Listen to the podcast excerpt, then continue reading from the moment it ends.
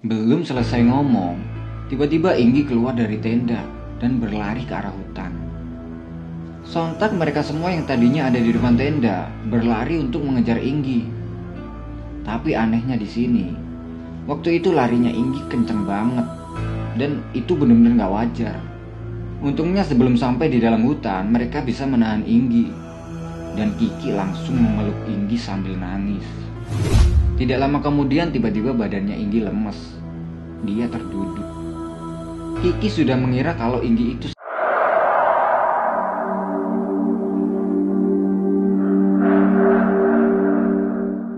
Halo teman-teman Di mana pun kalian berada semoga tetap sehat selalu Masih dengan gua Vidi Di video kali ini Gua mau bawain sebuah cerita mistis dari sepasang pendaki Yang bernama Kiki dan Inggi Jadi Di dalam cerita ini ada kisah yang sangat membuat gua merinding Dan juga membuat gua terharu Seperti apa ceritanya? Tonton video ini sampai selesai Inggi adalah anak pertama dari dua bersaudara. Begitu juga dengan Kiki. Mereka mempunyai hobi yang hampir sama. Kiki sukanya hiking dan Inggi sukanya traveling. Awal cerita, sekitar dua minggu setelah hari pernikahannya, Kiki dan Inggi pergi mendaki ke Gunung Butak yang berada di Malang. Setelah sampai di lokasi, mereka menitipkan kendaraannya di salah satu rumah warga terakhir yang ada di lereng gunung. Kiki lupa nama orang yang dititipin motor itu.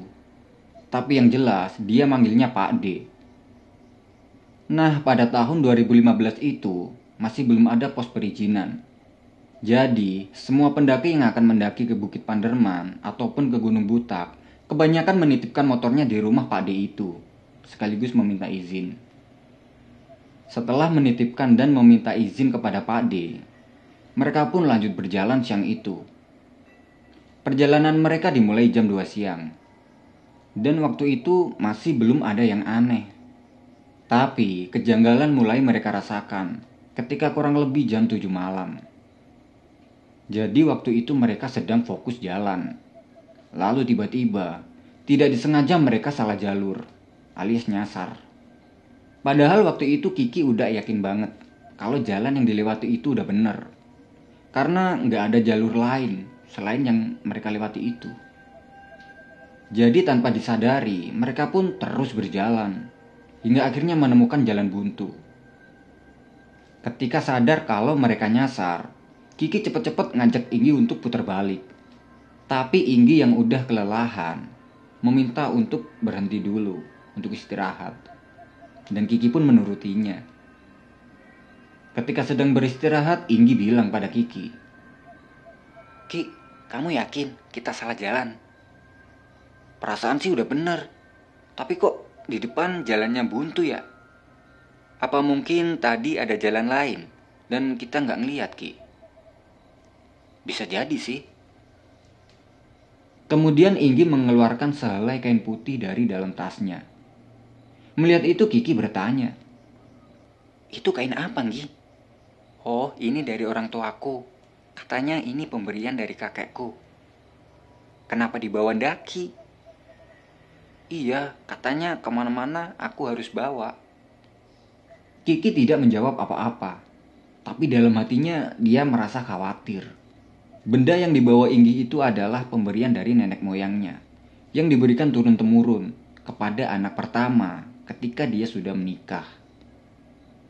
Kemudian Kiki meminta Inggi untuk memasukkan benda itu ke dalam tas dan berharap agar tidak terjadi apa-apa. Tapi Inggi tidak memasukkan benda itu ke dalam tasnya, malah dipakai buat sabuk di dalam bajunya. Kemudian mereka lanjut jalan. Ketika sedang berjalan balik, tiba-tiba mereka menjumpai ada sebuah pohon yang tumbang. Dan tepat setelah pohon itu, ada sebuah persimpangan yang bertandakan arah menuju ke puncak. Melihat itu Kiki benar-benar heran. Karena Tadi pas mereka lewat, gak ada persimpangan sama sekali, apalagi pohon tumbang. Kiki mulai merasa ada kejanggalan di sini, tapi dia tetap berpikir positif. Ya mungkin aja tadi memang gak lihat, soalnya kan waktu itu malam dan gelap juga. Lalu Kiki mengajak Inggi untuk berbelok ke arah persimpangan itu. Nah, ketika mereka sedang asik berjalan, tiba-tiba Inggi mendengar ada suara berisik yang mengikuti perjalanannya. Tapi diabaikan sama Inggi, dan dia tetap fokus lanjut jalan. Tapi kok suara berisik ini terdengar terus selama perjalanannya.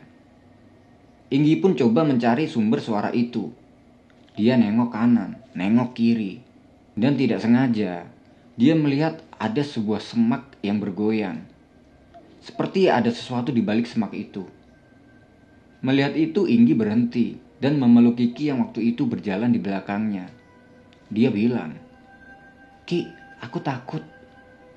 Inggi nggak bilang dengan apa yang dilihatnya waktu itu. Kemudian Kiki menjawab, Takut kenapa, Nggi? Perasaanku ada yang aneh. Kemudian dia coba menenangkan Inggi. Jangan takut, nggak ada apa-apa kok.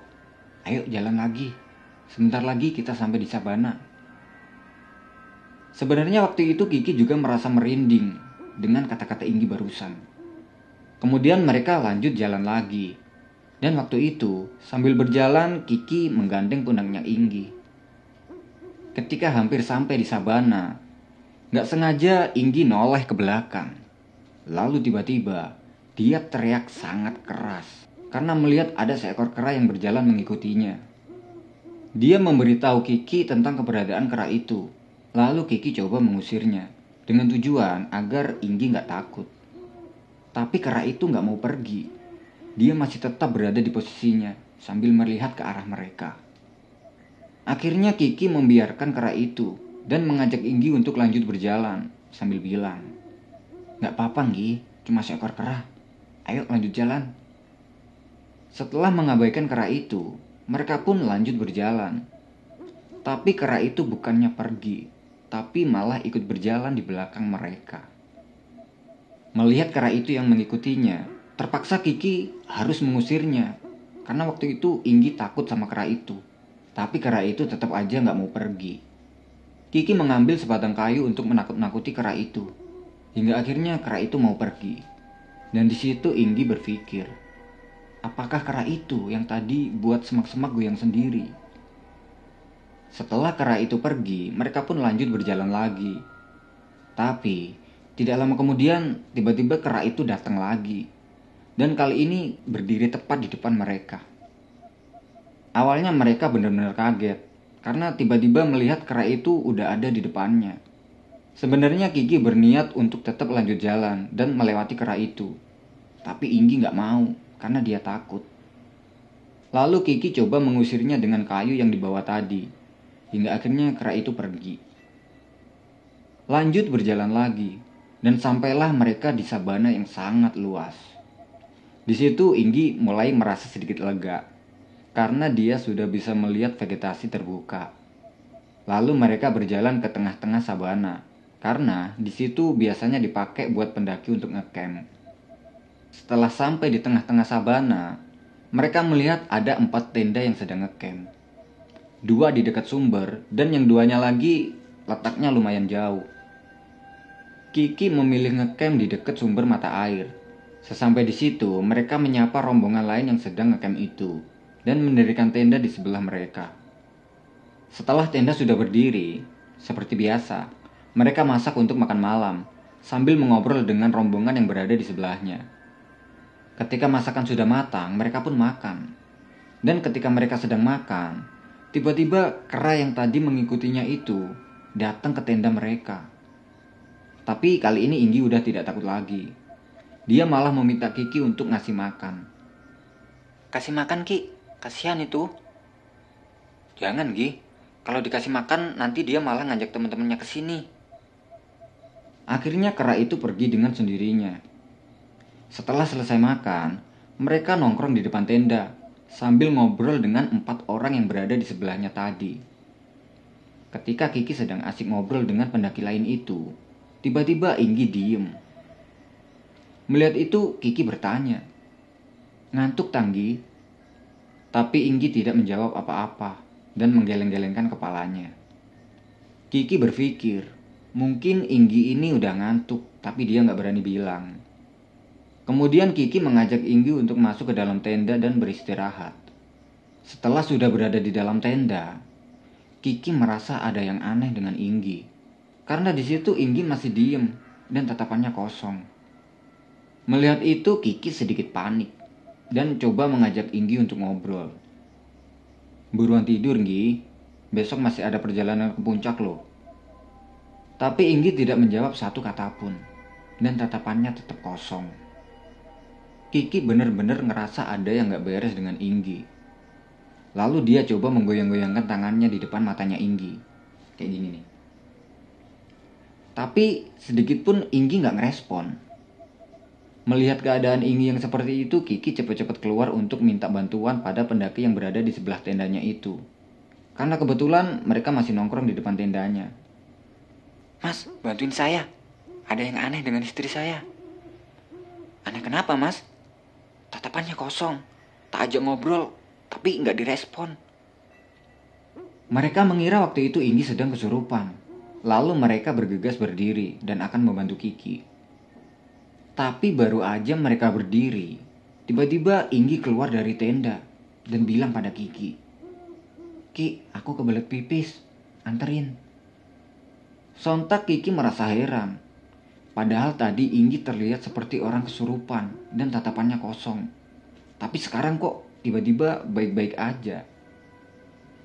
Lalu Kiki bergegas mengantar Inggi untuk pipis dan minta maaf pada pendaki lain itu karena udah membuatnya panik. Dia mengantar Inggi ke dekat sumber mata air dan menunggunya ya nggak begitu jauh. Lalu tiba-tiba Inggi berteriak kenceng banget sampai membuat Kiki kaget. Spontan Kiki langsung mendatangi Inggi setelah didatangi, ternyata di situ Inggi sedang menangis. Melihat Inggi yang sedang menangis, Kiki pun bertanya, Gi, kamu kenapa, Gi? Tidak lama kemudian pendaki yang ada di sebelah tendanya tadi datang dan bertanya pada mereka. Ada apa, Mas? Kiki menjawab, Gak tahu, Mas. Tiba-tiba istri saya nangis. Lalu Kiki menuntun Inggi kembali ke tenda sambil dibantu pendaki lain itu. Sesampai di tenda, Kiki menidurkan Inggi di dalam. Dan waktu itu keadaan Inggi masih tetap nangis. Kiki coba menenangkan Inggi. Dia memeluk kepalanya Inggi sambil berucap. Gi, kamu kenapa sih Gi? Kenapa bisa jadi kayak gini sih Gi? Di situ Kiki ikut menangis karena melihat keadaan istrinya yang kayak gitu. Tidak lama kemudian, Inggi sudah agak tenang. Dia tertidur dan sudah tidak nangis lagi. Lalu Kiki menyelimutkan sleeping bag ke tubuhnya Inggi dan membiarkan Inggi tetap tidur. Karena melihat Inggi yang sudah tenang dan tidur, Kiki keluar tenda untuk menemui pendaki yang ada di sebelah tendanya untuk mengucapkan terima kasih karena udah ngebantunya. Di situ, salah satu pendaki lain yang bernama Ridwan bilang, Sepertinya ada yang gak beres dengan istri sampean, mas.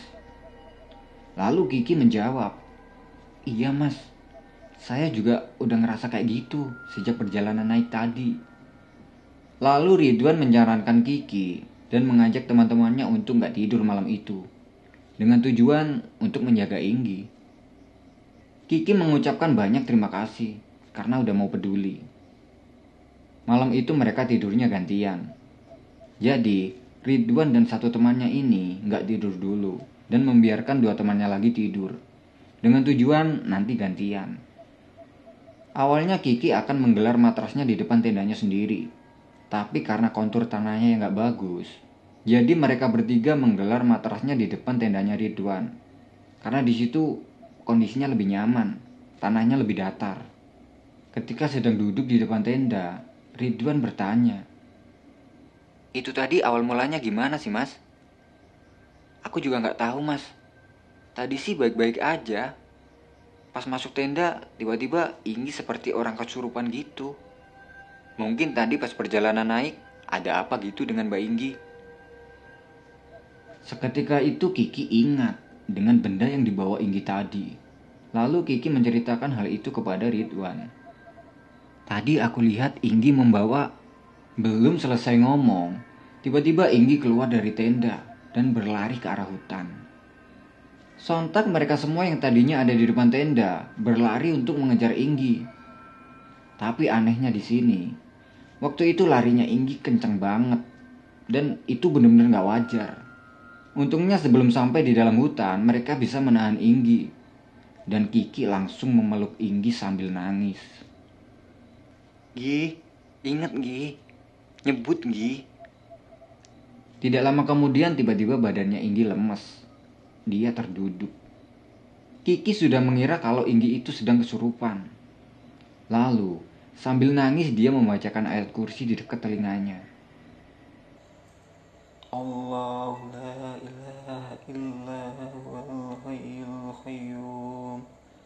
La ta'khudhu sinatu wa la nawm. Lahum ma fis samawati wa ma fil ard. Man dzalladhi yashfa'u indahu illa bi'idznihi يشفع عنده إلا بإذنه يعلم ما بين أيديهم وما خلفهم ولا يحيطون بشيء من علم إلا بما شاء وسع كرسيه السماوات والأرض ولا يهده حفظهما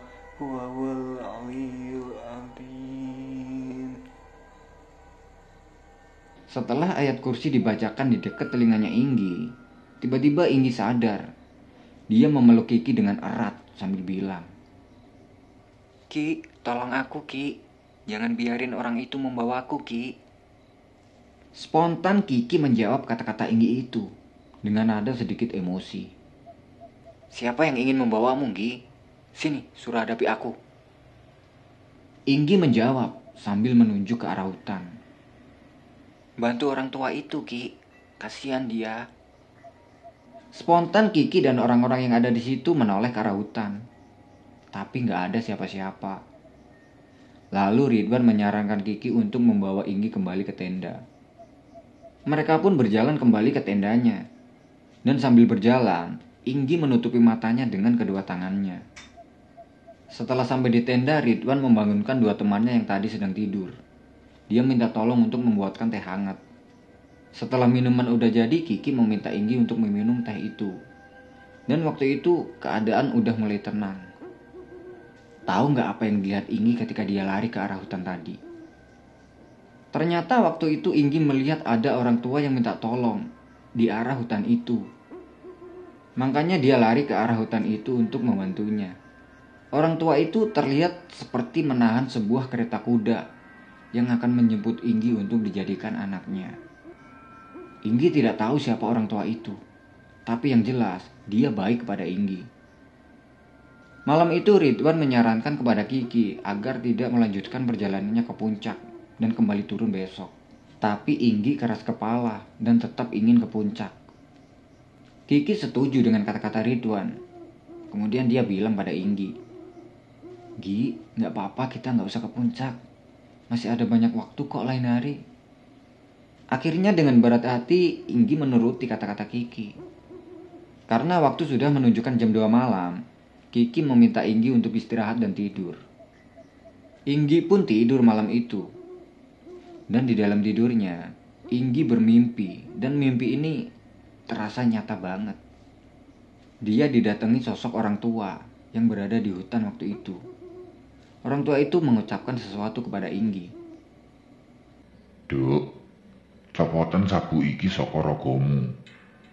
Yen sampeyan ndeleng wong wadon nganggo klambi putih lan nggawa bandulan, pecuten nganggo sabu iki.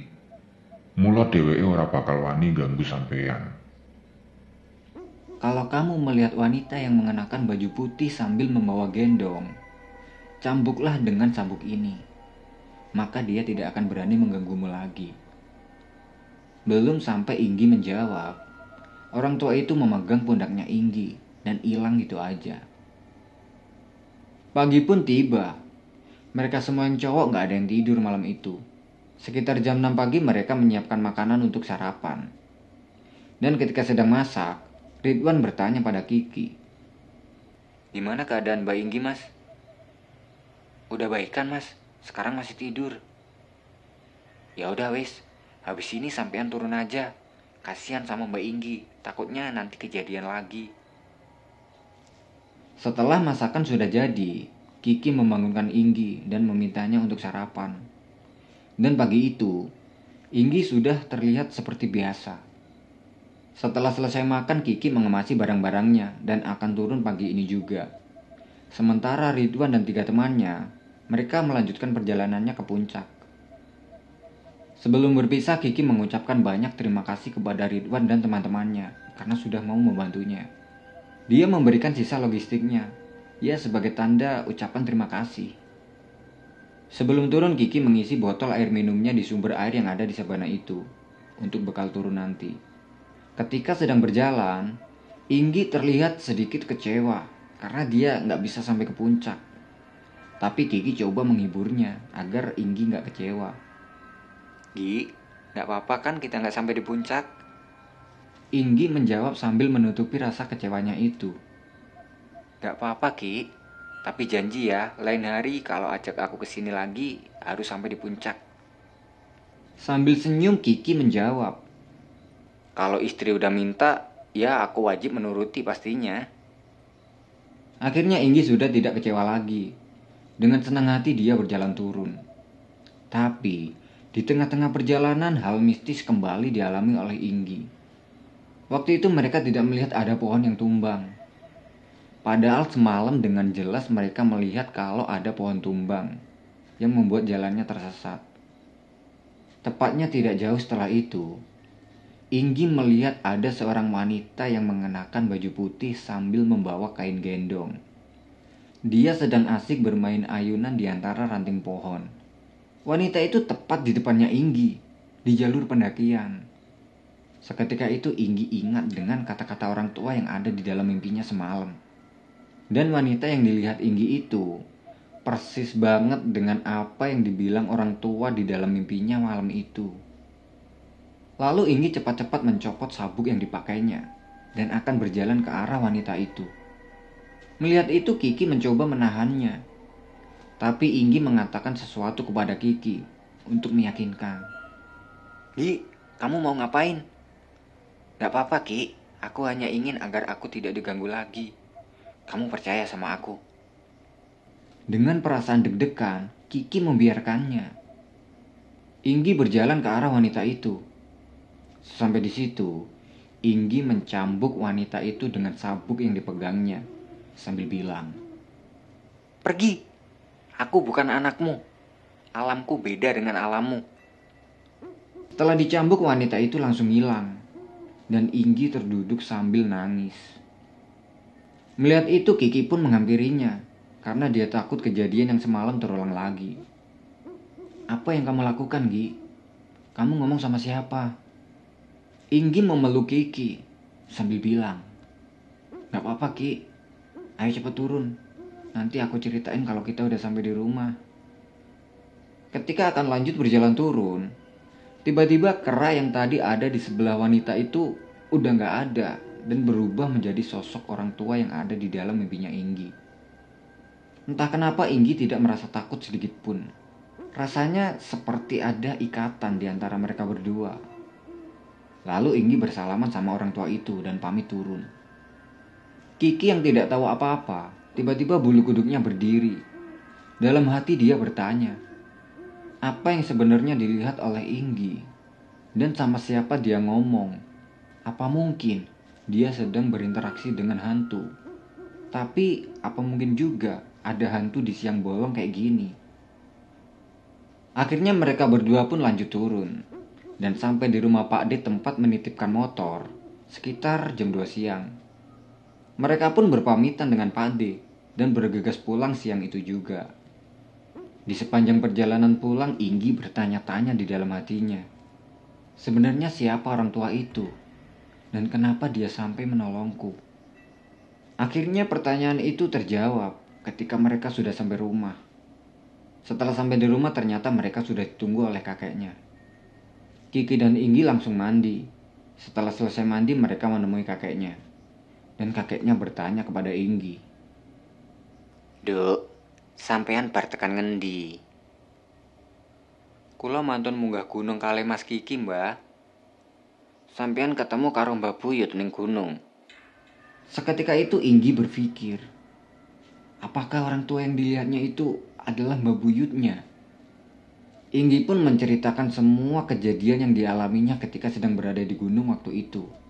Di depan kakeknya, orang tuanya, dan di depan Kiki suaminya. Dan ternyata benar, orang tua yang ada dalam pandangannya Inggi dan yang ada di dalam mimpinya Inggi waktu itu adalah mbah buyutnya Inggi. Pantas saja dia mau menolong Inggi yang hampir dijadikan anak oleh makhluk halus. Dan ternyata Kera yang semalam dia temui dan yang mengikutinya itu adalah jelmaan dari kakek buyutnya Inggi. Kenapa Inggi mau diambil menjadi anak? Awal mulanya adalah ketika mereka tersesat di jalur yang tak terlihat itu. Ternyata itu adalah jalur gaib menuju ke alam lain. Pantas saja waktu itu mereka diarahkan ke jalur itu dan tidak melihat jalur yang sebenarnya. Nah, gimana ceritanya teman-teman? Kasih pendapat kalian di kolom komentar. Buat teman-teman yang punya cerita mistis di gunung ataupun di tempat lain dan ingin di-share di channel ini, teman-teman bisa kirimkan ceritanya ke email ini. Atau lebih lengkapnya teman-teman bisa cek di kolom deskripsi.